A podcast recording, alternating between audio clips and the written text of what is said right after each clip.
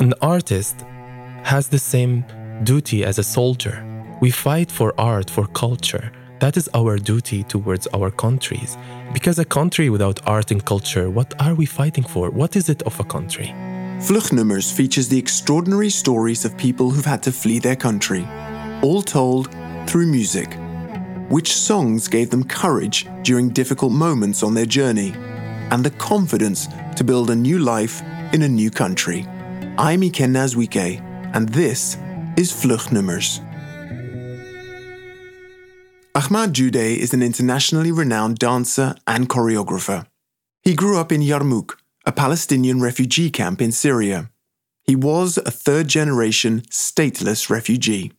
This is his incredible story about resilience, forgiveness, and hope. I was eight years old when I finished the singing performance with my brother for the end of the year celebration in the school. And after my performance was the girls' school. And they were dancing on the main theme of Swan Lake. And that was the moment when I saw dance for the first time. I was watching them while my father and my, my brother were getting prepared to leave. So they were like collecting the instruments and all of that. I saw something very different than what I've seen where I was born in a refugee camp in Damascus.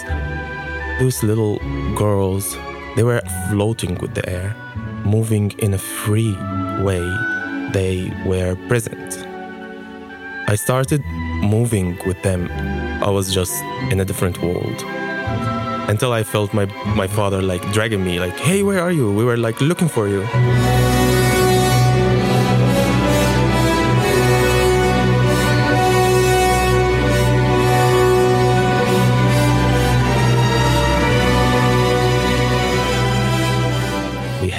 But then the feeling I had while I was moving, I still have it till today. I think that was the moment of my life where everything started, when, where, where my life started as a dancer. I started to dance secretly in my room because I thought it's only for girls. I didn't know boys can do that as, as well. One day, my mom was just cleaning the house and she opened the door and she found me dancing. And I was, oh my God, she saw me. She's gonna tell my dad that was really scary. But then, no, she was telling me how to improve it. But she started to give me the first exercises to work on my flexibility, which helped me so much. And she said, when you become like old enough, there is a ballet company, and I wanted to go to be part of it. And from that time on, she became my biggest supporter. But then she had to go through so much with me as well. You know, she's a strong, liberal woman in Damascus who believes that her son can be a ballet dancer. So she's very bizonder, very unique. For eight years, he practices in secret. And at 16, he auditions for the Inanna Dance Theatre, Syria's main ballet company. And the completely self taught Ahmad is accepted. The first time I performed with Inanna Dance Theatre was on the Roman stage in Palmyra. It's from a ballet about Zenobia, the queen of Palmyra. This theater is built by the Romans when it used to be a Roman empire. And it is just greatness. And my mom wanted to go and watch. I performed there for the first time, and it meant so much to me. The first time my father saw me dancing was on TV, actually, from that performance yeah, the camera was on my face, and you can you could see I have makeup on and all of this. He found out then that I'm a dancer. He was totally against ballet, so he tried to stop me with everything you can imagine. When he really beated me was uh, we had shows in Damascus during Ramadan, and we had shows every night and of course, I use makeup and then it stays in the face, especially historical makeup with so much eyeliner. And then it was there. I went home and he saw it. I forgot. He just looked me in the face and he started beating me. And I didn't know why. He was super aggressive. He injured me in my foot. And it was even harder on my mom as well. And then he had to leave the house. We were like enemies. I hated seeing him. He never looked me in the eye. I don't want to find excuses for him, but I think where we lived, It was quite a lot of pressure on him having a son as a ballet dancer because he's the one who has to face this kind of stuff in the community. So he tried to stop me. He tried everything.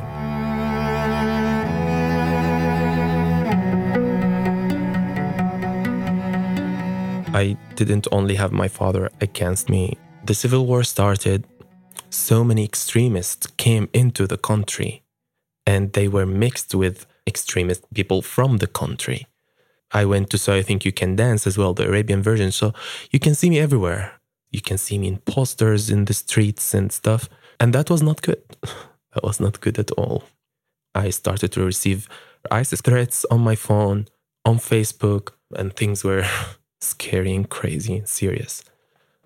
I decided to have a tattoo on my neck, which is dance or die. And when they catch me, it's where the blade will fall. And that would be the last thing ISIS can see from me. It's dance or die.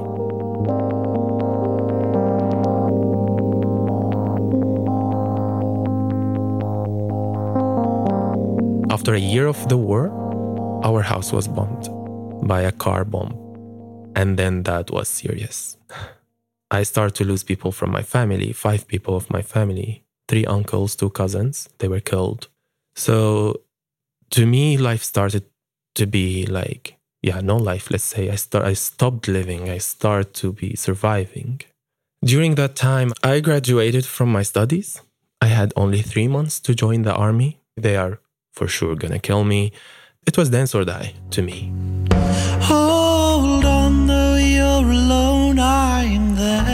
I went on the rooftop I did this dance as the last dance I thought I could ever do.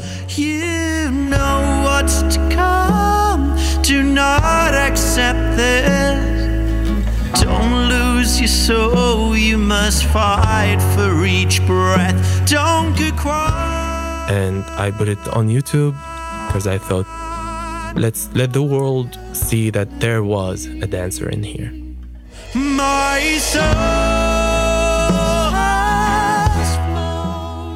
I just let my body be the way it wants to be. And I chose skin and bones because I am not only skin and bones, I'm a spirit.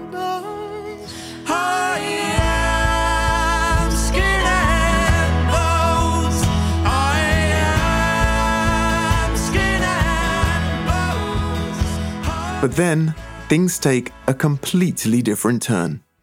Roozbeh Kaboly, a Dutch journalist, sees his video and contacts him to make an item about the young dancer. And he's like, If I am in Syria, will you accept working with me? I said, Of course. I will accept working with you. He, yeah, I kept in touch. And then he called me from Damascus. He said, Hey, I'm here in this restaurant and I want to see you. And I was like, Wow, this is real. Okay. And well, during the, the talk, he asked me, Where do you want to dance?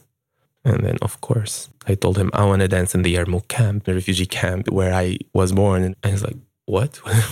You're going to kill us? Are you crazy? I said, well, we can rent a theater, but you asked me where do I want to dance? I want to dance in the Yarmouk camp. He said, you know it's under ISIS control. I said, yes, I do.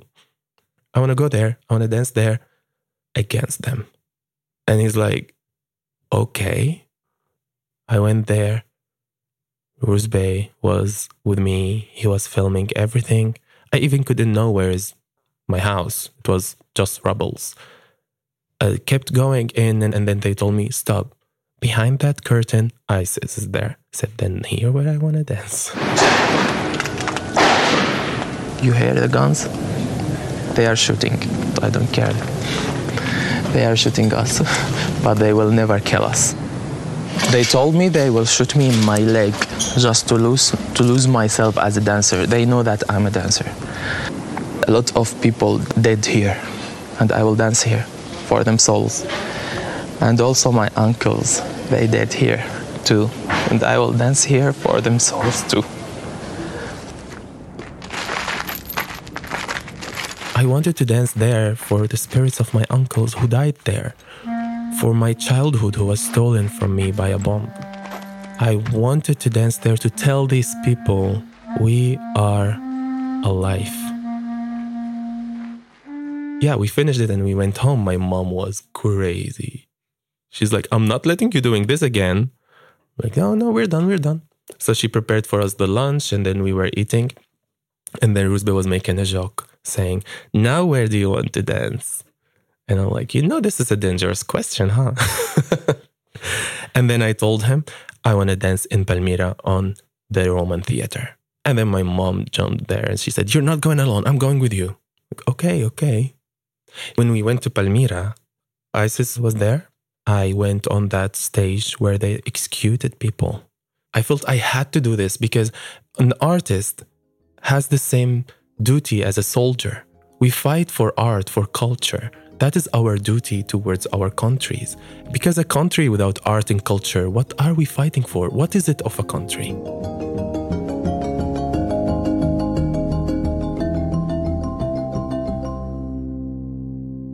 Well, after after this reportage, I received so many invitations to different national ballets in the world. I didn't believe this. I chose the Netherlands because the journalist is from the Netherlands. I trusted him and I wanted to come to the country where he came from. And Ted Brandsen, the director of the Dutch National Ballet, he was with me almost every day on the phone, telling me and repeating that we are going to help you. You have to believe in us. And that gave me a lot of comfort. And that's why I came to the Netherlands. Some people, they were there to welcome me. I saw Ted Brandsen, the director of the ballet. I saw Roozbeh filming everything all the time. They took me to the house, put my luggage, and immediately to the theater. And since then, till Corona came, I was working all the time. I didn't even realize where I am. Ahmad decides that his new life calls for a new start with his father, who ended up in a refugee camp in Berlin. The reunion is emotional. And not long after, his father sees him perform for the very first time in Amsterdam's Concertgebouw. My dad always refused me, and he always refused to see me dancing until the moment he came to watch me in the Concertgebouw. And that performance was specially for him. I was dancing for him, I even bowed for him. To see him as much touched by my performance as I could see, that was my reward, winning that war between me and him. And to see that moment was crazy. He was proud of me, and it meant to me the world. Because it was a start, it was an end of a chapter to start again for something else. I thought if I leave Syria and I come here that I will be free, but I thought I was put in, a, in just a golden chain with all the cameras and the celebration of this refugee, stateless refugee who made it to be a dancer. Wow, how can you be a dancer? Hey, I'm human. I can train my body and I can be a professional dancer. They expect, oh, he's doing well. All the cameras around him. He's living a celebrity life. Come on. And I didn't know that I have the right to say no. Even though Ted Brandsen, the director of the Dutch National Ballet, he was always telling me, you can say no, you don't have to say yes. I thought if I say no for something, they would send me back to Syria. I was scared to say no for the documentary, for the people from the National Ballet, for all the interviews that came, that, that reminded me of my pain three times a day, three different newspapers, that I had to tell him the story all the time, that I had to remember all the pain and cry a lot after every interview. Nobody cared how do I feel, really, how do I feel? Until I said, okay, stop, enough, no. I stopped doing interviews. I left the National Ballet in a very dramatic way. And they said, do you need more rehearsal? I said, No. What can we do? I said, Nay. and then Corona came where I had to really stay at home. And I had so many troubles with traumas and blackouts. And I went to therapy for a year, two times a week. And I worked on all the traumas and all the things. They are not gone, but now I understand them and I live with them. I learned a lot out of it. But I would have loved if I was taken to therapy or something to deal with this trauma.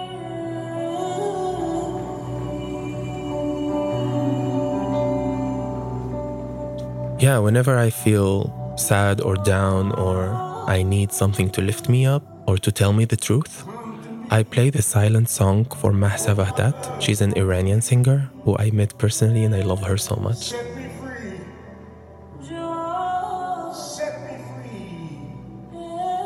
I dance to this song with all my feelings. I sweat my tears on this song. Oh, I'm lonely, baby. I'm missing you. And I'm so lonely. Wow, and when he start calling for freedom, what is freedom? Freedom. Give me back my freedom.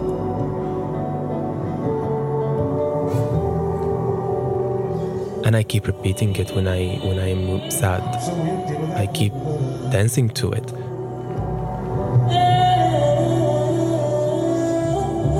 I've got the Dutch nationality last February. We were still in a lockdown. I didn't I didn't have any ceremony or anything. I even received the decision uh, by post. And then I opened it even before I get into the house and I was like, "Oh wow. They accept to give me the Dutch nationality." And they say it in a very nice way like by the decision of the king, you know? It's so amazing, so royal. Wow. I love about it because it is such a very important day for me that was, yeah, organized in a post. I've chosen the name Arendt as a Dutch name for me because the first time I met my father in Europe, he called me an eagle. He said, You spread your wings and you flew to me. I would never imagine that you will come to hug me in here. And yeah, I love this. And it's my spirit. My spirit is an eagle. And that's why I wanted to choose it and in Dutch because I want to honor my Dutch nationality because it's the first nationality I ever have. I am not Syrian and I was never Syrian. I was stateless person with no rights. Now I have rights. Now I can travel. Now I can go wherever I want. Now I can visit my family. I didn't even think that I can have the chance to see my mom again when I left her. I felt it's so strange how a piece of paper make you feel. So strange.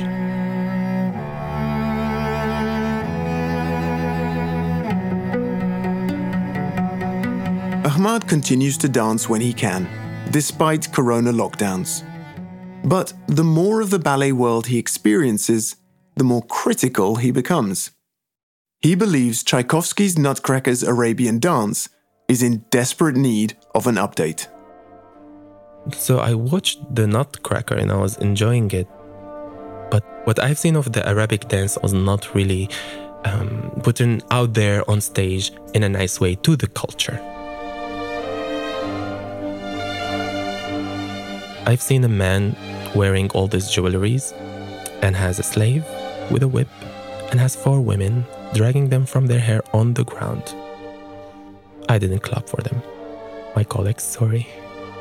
I didn't. Because I was offended. It's not what the Syrian people do to their women. We have queens in our culture. I don't blame, of course, the Dutch National Ballet, but I would blame the choreographer. Look, study more, and see. We are on 2022. We can tell you how do we dance. If you look into the dance, look at the Egyptian dance, look at the Syrian dance with the debka, look at the Moroccan dance, which was influenced by the Spanish dance. Why don't you use these kind of movements? Introduce them to the Dutch people or to the world because it's one of the best ballet companies in the world. You have a voice, make a truthful voice. Of course, if you want to change, you start with yourself, right? So I decided to choreograph it with an ex principal dancer from the Dutch National Ballet, Casey. We are working together. I brought all the folklore Arabian dance movements, and with him, we turned it into ballet. The Arabian dance danced by an Arabian dancer on stage showing the Arabian dance, not the whatever you have in your mind about Arabs. When I was in Syria, I always had the feeling that I will become an international dancer. I even when I told this to my mom, she thought, "Oh my god, you dream too much." But when the time that comes that I have to stop dancing, I want I wish and I hope that I can be a coach or a choreographer when it comes to Arabian dance. It's really a shame if we don't use the richness of each culture. Even in ballet world, you need revolution and you need activists. It is very strict but still, the change can be done.